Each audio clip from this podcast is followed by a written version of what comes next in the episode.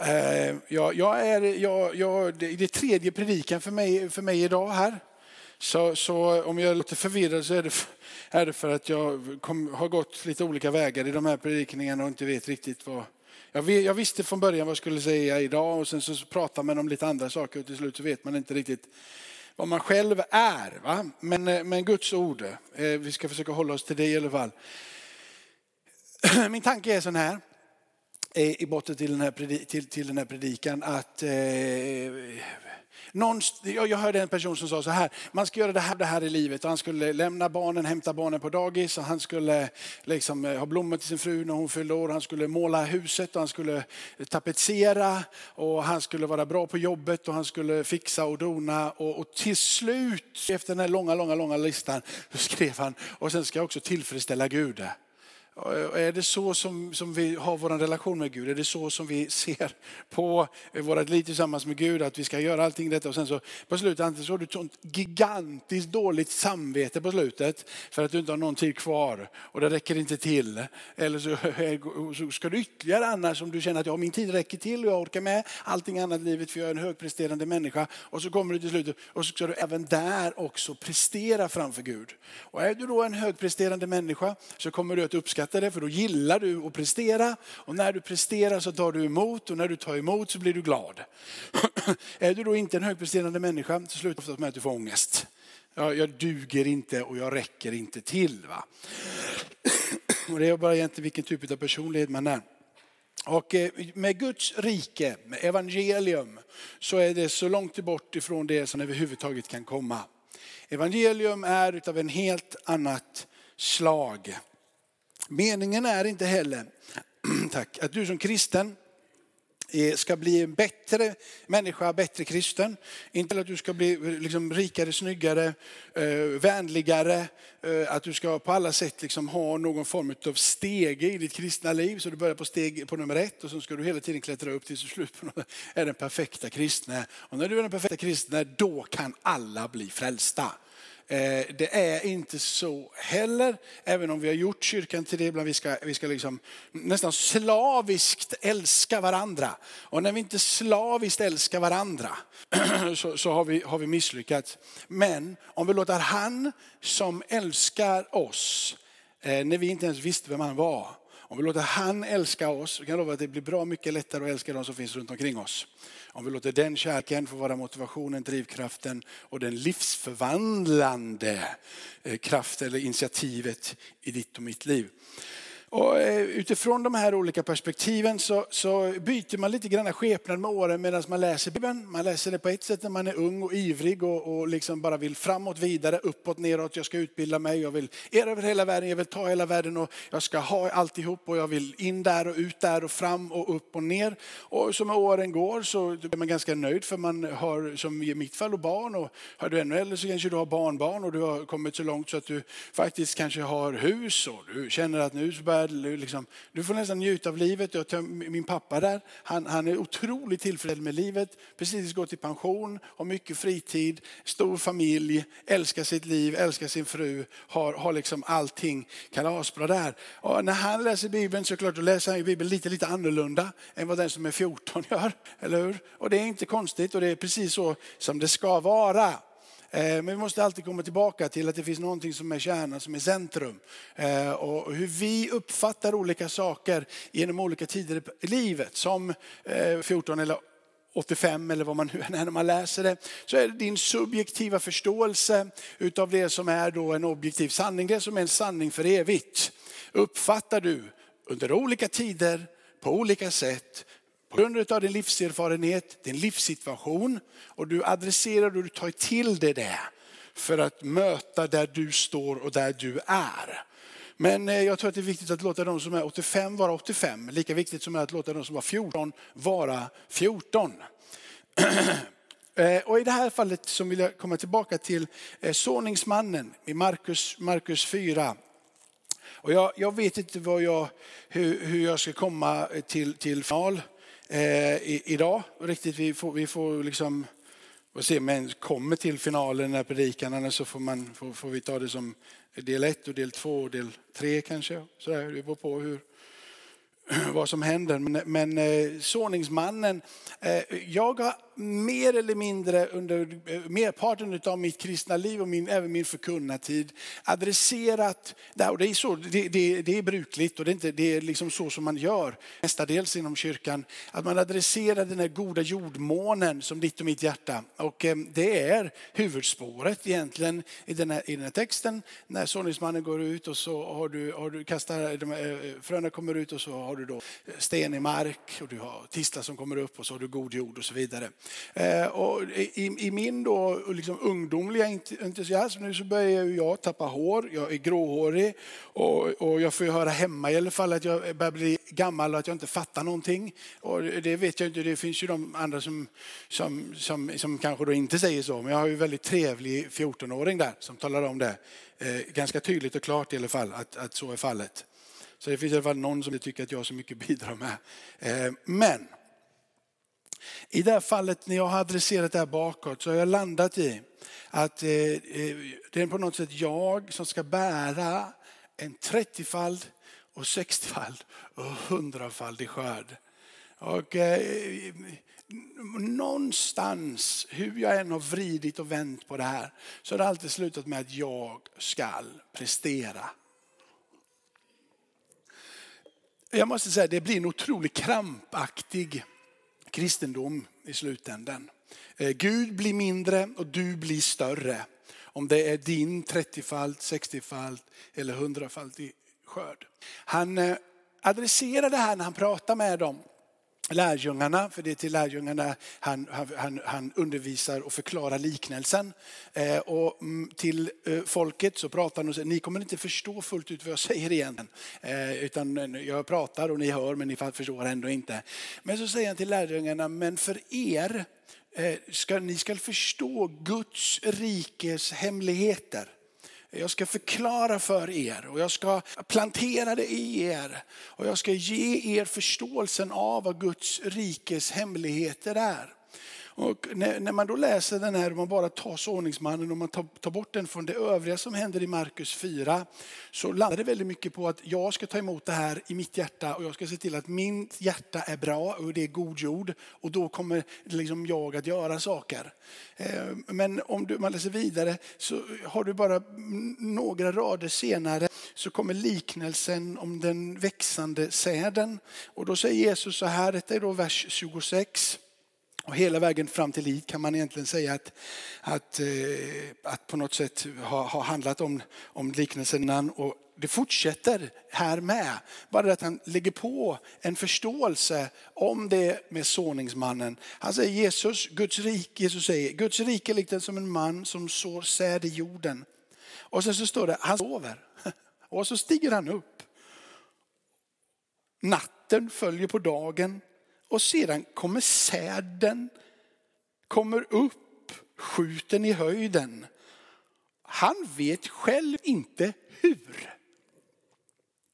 Av sig själv ger jorden gröda. Först strå, sedan ax och därefter fullmoget vete i axet. Och när grödan är mogen räcker han genast ut skäran eftersom skördetiden är inne. Han vet inte hur. Men det som har blivit planterat på insidan av honom har vuxit upp. Liknelsen om senapskornet, en förlängning på det som han försöker säga om Guds rikes hemligheter. Han sa det också, vad kan vi likna Guds rike vid? Eller vilken liknelse ska vi använda för att beskriva det? Det är som ett senapskorn. När man så det är det det minsta av alla frön på jorden.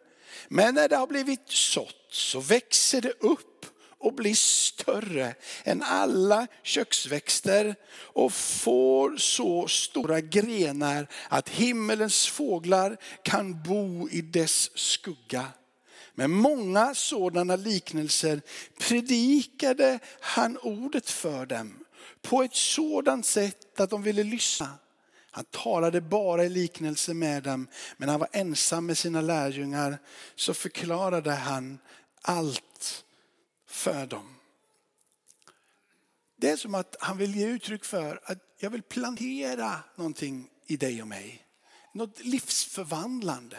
Någonting som inte du och jag kan prestera, någonting som inte du och jag kan förverkliga. Och eh, för, för, hur ska man förstå det här i förhållande till att vi ska göra någonting själva? För det gillar vi som människor. Vi är skapade för att göra saker. Vi är inte skapade för att sitta och rulla tummarna. Vi är skapade för att göra saker. Va? Att, att arbeta och ta vara på det som finns runt omkring oss. Och så där. Bibeln är tydlig med att vi ska älska varandra, göra så gott vi kan och tjäna varandra med de olika gåvor vi har. Så det är inte så att vi, vi bara ska sitta och så bara händer, växer någonting. Men det som ska växa fram utav det som är Gud och det som är hans liv och det som är Guds rike. Det kan bara växa om det får bli planterat i dig och du själv inte gör någonting utan du låter det växa. Nåd på nåd på nåd. Guds verk på din insida. Det producerar någonting utav sig själv. Jag jag var ute och gick i, där, där, där jag bor så finns det massor med sådana här lövskogar där och så vidare. Och så kommer man så blir man lite, lite förundrad för på merparten av träden när du står här utanför så har alla fallit av och så, så, så finns det inga löv på träden. Men du, du, vi vet ju genom erfarenhet att snart så kommer det att, knoppa till liv där ute. Det kommer inte vara så som det är där ute så många veckor till. Det kommer vara grönt där ute. Va? Det finns ett liv i det här träden som är på utsidan som snart kommer, det kommer explodera. När det är tid är så händer det utav sig själv. Det, det, det föds fram någonting. Eh, men som gick där i, i, i, i Bokedalen som det heter där. Så ser man vissa av de här, jag tror det var ek, jag är inte säker hur dålig på det där David. Du får följa med någon gång och tala om för mig hur det ligger till. Men vilket fall som helst så sitter löven kvar. Och det är så förundligt när man står och tittar på dem. Så här, de är helt vissna de här löven. De har, de har liksom ingenting att tillföra det här trädet. Det finns ingenting. Men så vet vi att när våren sen kommer och de nya löven ska blomma ut på träden så är det som om att de skjuter bort de här vissna löven och det gröna, färska, härliga lövet är där. Så vill jag säga lite av det är att få det här nya livet planterat utav Gud på din och min insida. Vi bär fortfarande med oss dina och mina bräckligheter, dina och mina sår, dina och mina tillkortakommande. Det som du och jag har orsakat oss själva genom livet och det som livet har orsakat och gjort mot oss. Det är där. Men om vi bara fick tro att Gud har lagt sitt inomboende liv på insidan av dig och mig. Det som Johannes säger är det levande brödet, livets bröd, det eviga ordet. Om det får vara det som är planterat på din och min insida så är det som att när tiden bara får verka, du går och lägger dig och sover och du vaknar, men när tiden är rätt så har det vuxit upp. Och det som innan igenkändes som ett visset löv blir bortskjutet och upp så stiger ett helt nytt trädverk, en ny krona, en ny gestalt i skapelsen. Det nya livet var inomboende där hela tiden. Men så många andra saker har gjort att det blev ett kvävt.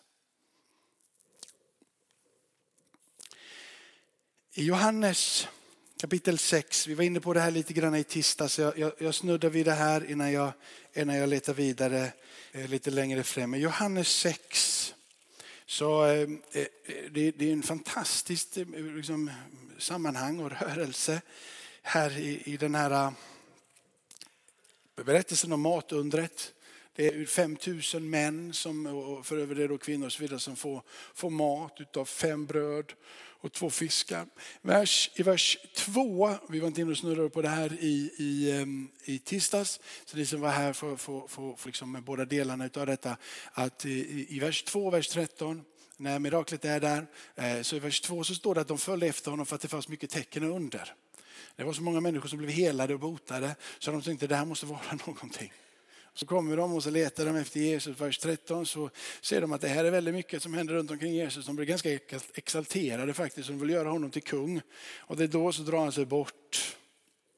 Så eh, första anblicken utav Jesus eh, dragningskraft, om man får kalla det så, är eh, tecken. Det är, jag brukar säga när jag, när jag undervisar nyfrälsta att när Jesus går på vatten så är inte det ett mirakel. Eh, om du och jag skulle gå på vatten så är det ett mirakel. När Jesus går på vatten så är det ett tecken. Eh, det är ett tecken som pekar på att han är över sin skapelse. Ett tecken som pekar på att han är Guds enda son. Kommen för att visa oss din och min Gud skapade jorden och så talar jag om att han är den. Men för dig och mig, om vi skulle gå på att det blir ett mirakel rakt av.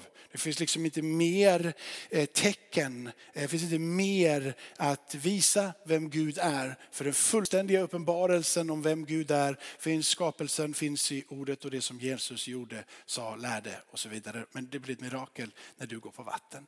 Så, så, så, så tecknen här pekar, eh, inte, det är inte ett mirakel i sig, liksom, det är ett mirakel i sig att det blir bröder, men det är tecken. Och när människor blir helade så är det ett tecken.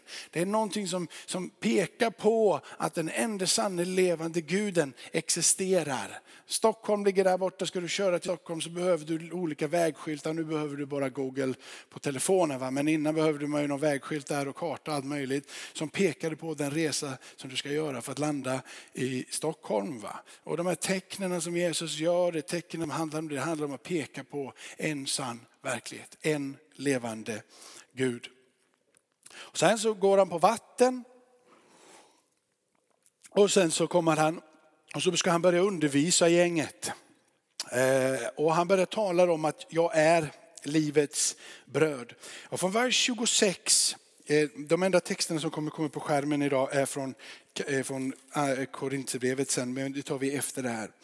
Så vers 26 så säger Jesus så här, till, till de som följer efter honom, som har varit helt tagna av brödundret och tagna av helande under och tecken. Och de följer honom, de har hittat honom igen.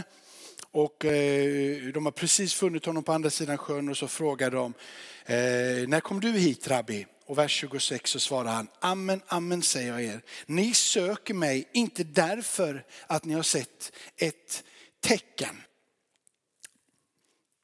Utan därför att ni fick äta av brödet och blev mätta. Och här stöter jag på ett problem. Eh, mitt problem är hur kan, de överhuvud, hur kan Jesus överhuvudtaget adressera eh, att de kom för att han blev mätta? Liksom, hur, ni, ni kom för att ni blir mätta. Ni kommer för att ta emot min omsorg. Det är som Jesus egentligen säger så här, ni kommer igen och igen och igen. Bara för att ge de gåvor som jag ger er. Och I första anblicken så är det ju helt underbart. Människor kommer till kyrkan för att eh, det finns saker att ta emot. Det finns, eh, liksom, nu kan jag få bättre liv, nu kan det bli ordning, nu kan det bli reda. Nu så blir det liksom härlighet, struktur på livet och sånt där. Va? Och så är det någon som behöver ett helande och då kommer jag till kyrkan. Och det är så bra va. Men de kommer dit för att få en gåva av Jesus. Nej, det är Jesus som är Guds största gåva. De har gått ifrån att vara fokuserade på vem Jesus var, för de ville göra han till kung. Och han drar sig undan Det går från att vara fokuserade på vem Jesus var, till att ta emot det som Jesus kan ge. Och här har du och jag våran resa, våran brottningskamp med Gud. För du och jag gör precis på samma sätt.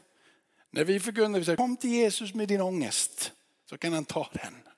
Kom till Jesus så kan han ta hand om dig. Kom till Jesus så kan du få ett, ta emot ett helande om vi ber. Eller vi får, och du, kom till Jesus så ska du få ordning på, på, på det här. Och, och, kom till Jesus så ska det här ske. Kom till Jesus. Och så lovar vi saker och ting som inte ens Jesus själv verkställer i deras liv egentligen. För han säger så här vidare här att era fäder de åt och de dog. Men när jag kommer och bröd jag ger, det är av sådan art att du inte dör. Det är av sådan art att du får ett evigt liv. Jesus själv drar bort uppmärksamheten från de gåvor som han ger till att tala om den gåva som han är.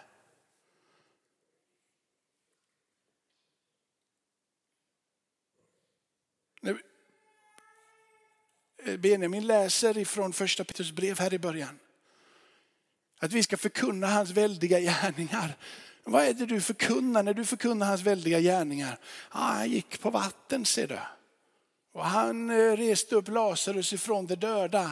Och han botade de sjuka. Alla de där sakerna, det är ett tecken och vi kan säga då, men det som han kom för att utföra hans väldiga gärningar. Du kan lägga upp kapitel 5 där i andra Korintierbrevet. Det som han verkligen kom för att göra, det som är din och min uppgift att förkunna, det är att om någon är Kristus så är han en ny skapelse. Det gamla är förbi, något nytt har kommit. Allt kommer ifrån Gud som har försonat oss med sig själv genom Kristus och gett oss försoningens tjänst.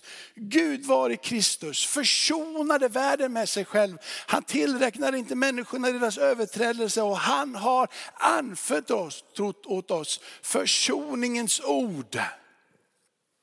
Det är hans väldiga verk. En försoning mellan himmelen och jorden. Vår uppgift är att förkunna att det finns en plats tillsammans med Gud genom hans son Kristus Jesus. Som var omöjlig att leva, ta emot och vara i innan korset. När korset kommer in i världen och Jesus är uppspikad där. Han dör och han uppstår. Så finns det ett verk utfört av Gud själv. Som du och jag ska predika så vi aldrig tröttnar. Amen. Nu.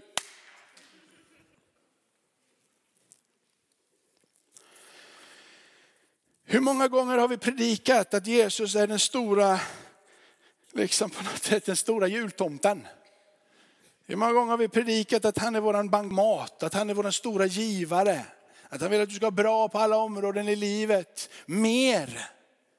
Vi har varit fokuserade kring det som är det verkligt sanna budskapet. Försoningen. Hur många gånger har vi predikat att du kan få ett bättre liv med Jesus utan att verkligen förkunna evangeliumets kärna.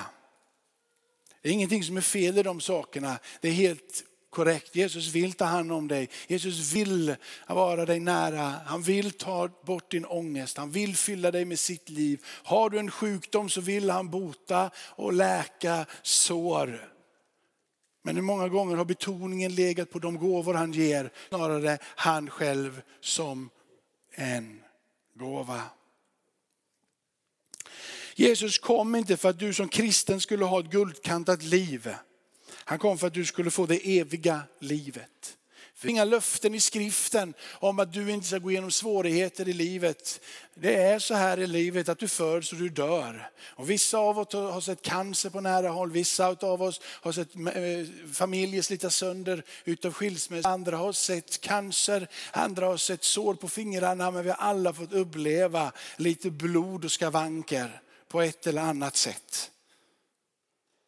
Jesus med eller utan Jesus så kommer du få gå igenom prövningar och hårdheter i livet.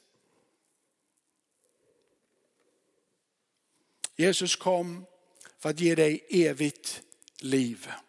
Och låta det eviga livet, Guds rike på din insida, få växa till liv. Så, så här i tisdags, så kan säga det nu igen, Jesus kom inte för att laga och fixa dig. Det var inte så som han kom, liksom, han kom inte och så planterade han lite, några, några bilverkstäder och så rustade han några till att bli bilmekaniker. Och så bara in med era skrotna bilar här och så plåstade han om bilarna och så kan ni köra ett litet tag och så in på verkstaden igen. Jesus kom för att ge nytt liv. Nytt liv, komplettera någonting helt fullständigt nytt på insidan. Det är det som är det intressanta. Det är det som ska växa till liv. Hur kan någonting annat vara intressant att prata om?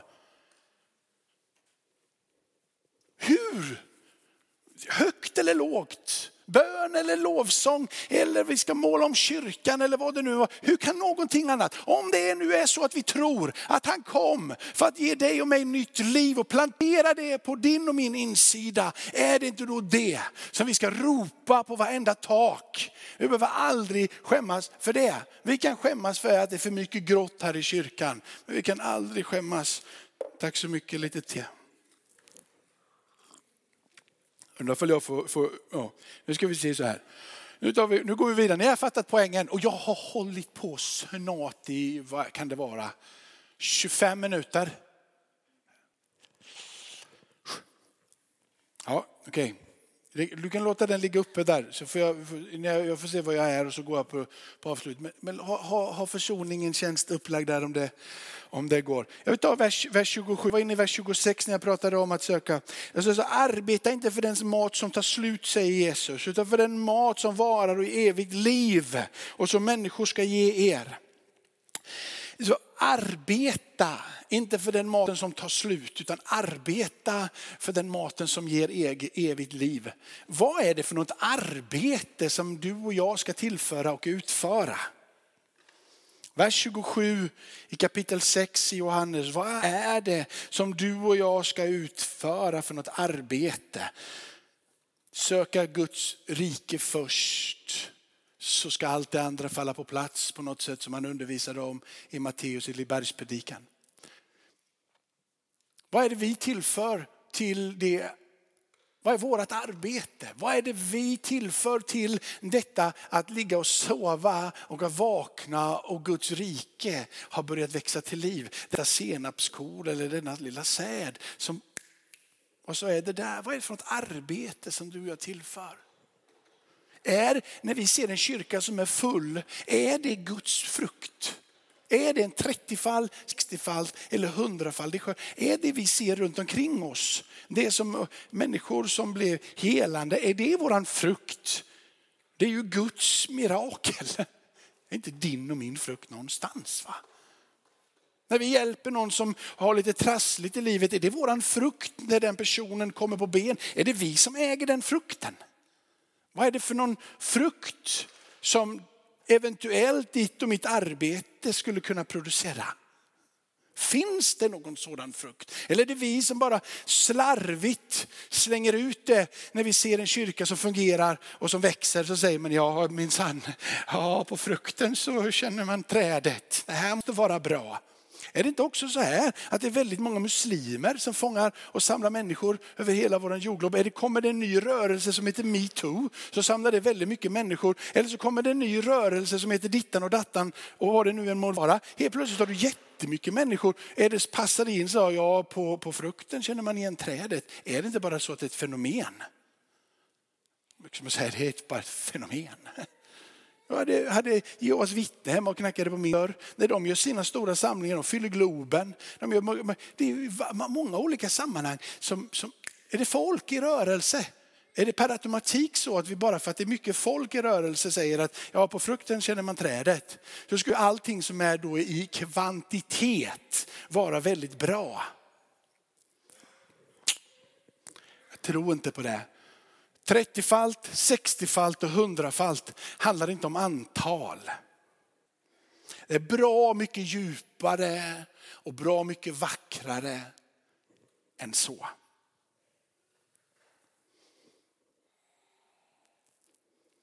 Vers 28.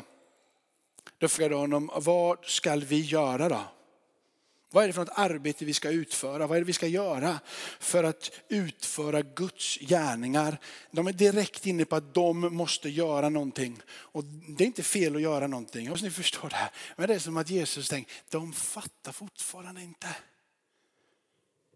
De hajar ju inte poängen med det här överhuvudtaget. Så han måste hela tiden komma tillbaka till ruta ett. Och jag tror att det är det han behöver göra med dig och mig igen. Ta tillbaka till dig och mig till ruta ett. Och säga, vad är det du först och främst ska göra för några gärningar? Det säger han i nästa vers och Jesus svarar, detta är Guds gärningar. Detta är Guds gärningar. Detta är vad du ska göra för att utföra Guds gärningar. Det är tro på han som har blivit sänd. Det är så otroligt vackert och det är så otroligt kraftfullt. Det är din gärning. Det är det du tillför till Guds väldiga gärningar. Hur gör vi Guds väldiga gärningar? Genom att tro på han som han har sänt. Försoningens tjänst.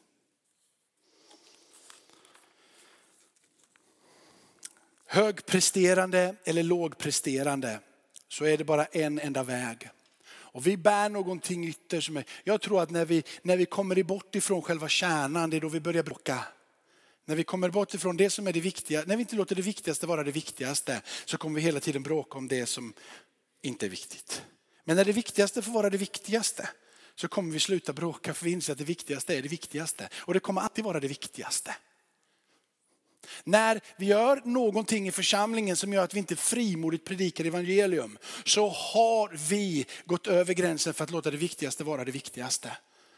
När vi bråkar om strukturer, när vi bråkar om vad det nu än må vara. När vi tar bort det som är det viktigaste och när vi inte låter det viktigaste vara det viktigaste utan vi pratar om allting annat som är runt omkring. Så har vi gått bort ifrån det som är det viktigaste och då tappar vi kraft och tappar vi initiativförmåga och då missar vi hela vårat uppdrag. Om det nu är så som Benjamin till exempel läste här och som jag pekar här försoningens tjänst att tala om att himmelen har blivit försonad med jorden. Att Gud har blivit försonad med människan genom att själv lämna himmelen och dö och uppstå. Vad för någonstans kan vi hitta ett vackrare budskap? Jag sa på morgonen när jag predikade så sa jag så här att jag är inte kristen och frälst för att kristendomen har fantastisk ideologi, filosofi, moral och etik.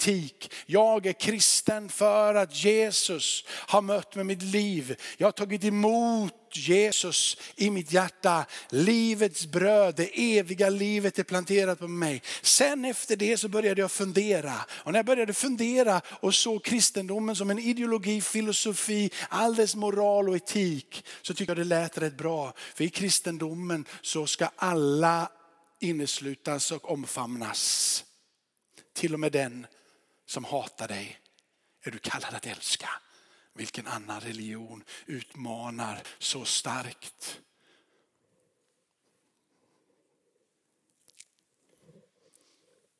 Det här är mitt uppdrag. Det här är varför jag, jag kom till Göteborg. Det var därför jag gick ville bli anställd av föreningen Linnéhuset.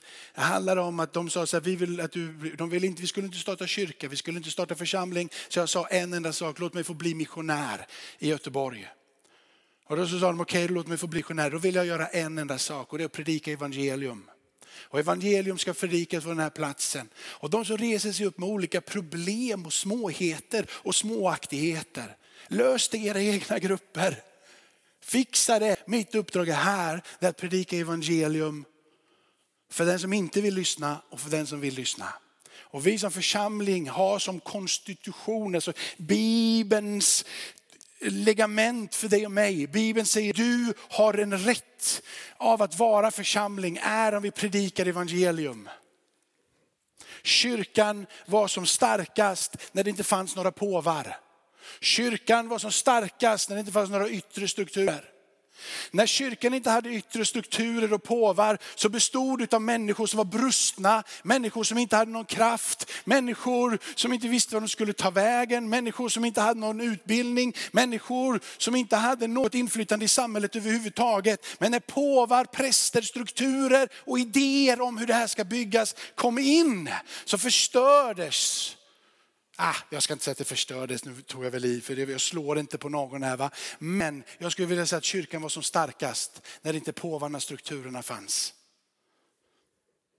Jag menar att vi kan ha en struktur och fortfarande vara kraftfulla och starka. Jag vill bara poängtera, låt det viktigaste vara det viktigaste. Försoningen är mellan Gud och människa och mellan människa och människa. Amen. Tackar dig Fader i himmelen för att vi får predika evangelium på den här platsen med kraft. Att vi får eh, hålla oss till det som är det sanna budskapet om vem du är. Vi uppskattar alla människor som vill bygga vara med, skapa ordning och reda och strukturer, Men vi är kallade att utföra, tala om, predika om dina väldiga gärningar. Där Jesus är i centrum, där Jesus är nyckeln, där Jesus är vägen, sanningen och livet. Där det är Jesus som ger liv och du är vårt liv. I dig är det vi lever, rör oss och är till. Anden, Jesu Kristi ande, bor mitt i församlingen, bor mitt i ditt och mitt hjärta. Om du är här idag vill du ta emot Jesus som frälsare och säga jag vill nog försöka det här. Om det här är sant, att han är livets bröd, det enda sanna livet som kan förvandla på djupet och ge en framtid. Och jag vill ta emot honom. Så kom fram så får får vi be tillsammans med dig. Är det så att du är sjuk så säg att vi kan be för varandra och att Gud faktiskt kan bota. Är det så att du känner att du har ångest, mardrömmar, ont i magen, förvirrad, att du känner att du lever i mörker och du vill bara få se lite, lite ljus så kan Gud öppna den där lilla springan och ljuset kan få komma in, kan få träffa ditt hjärta och du kommer aldrig någonsin mer bli densamma. Jesus är här. Det är vad Bibeln säger. Jesu Kristi ande är här. Där två eller tre samlade i hans namn är han mitt ibland oss.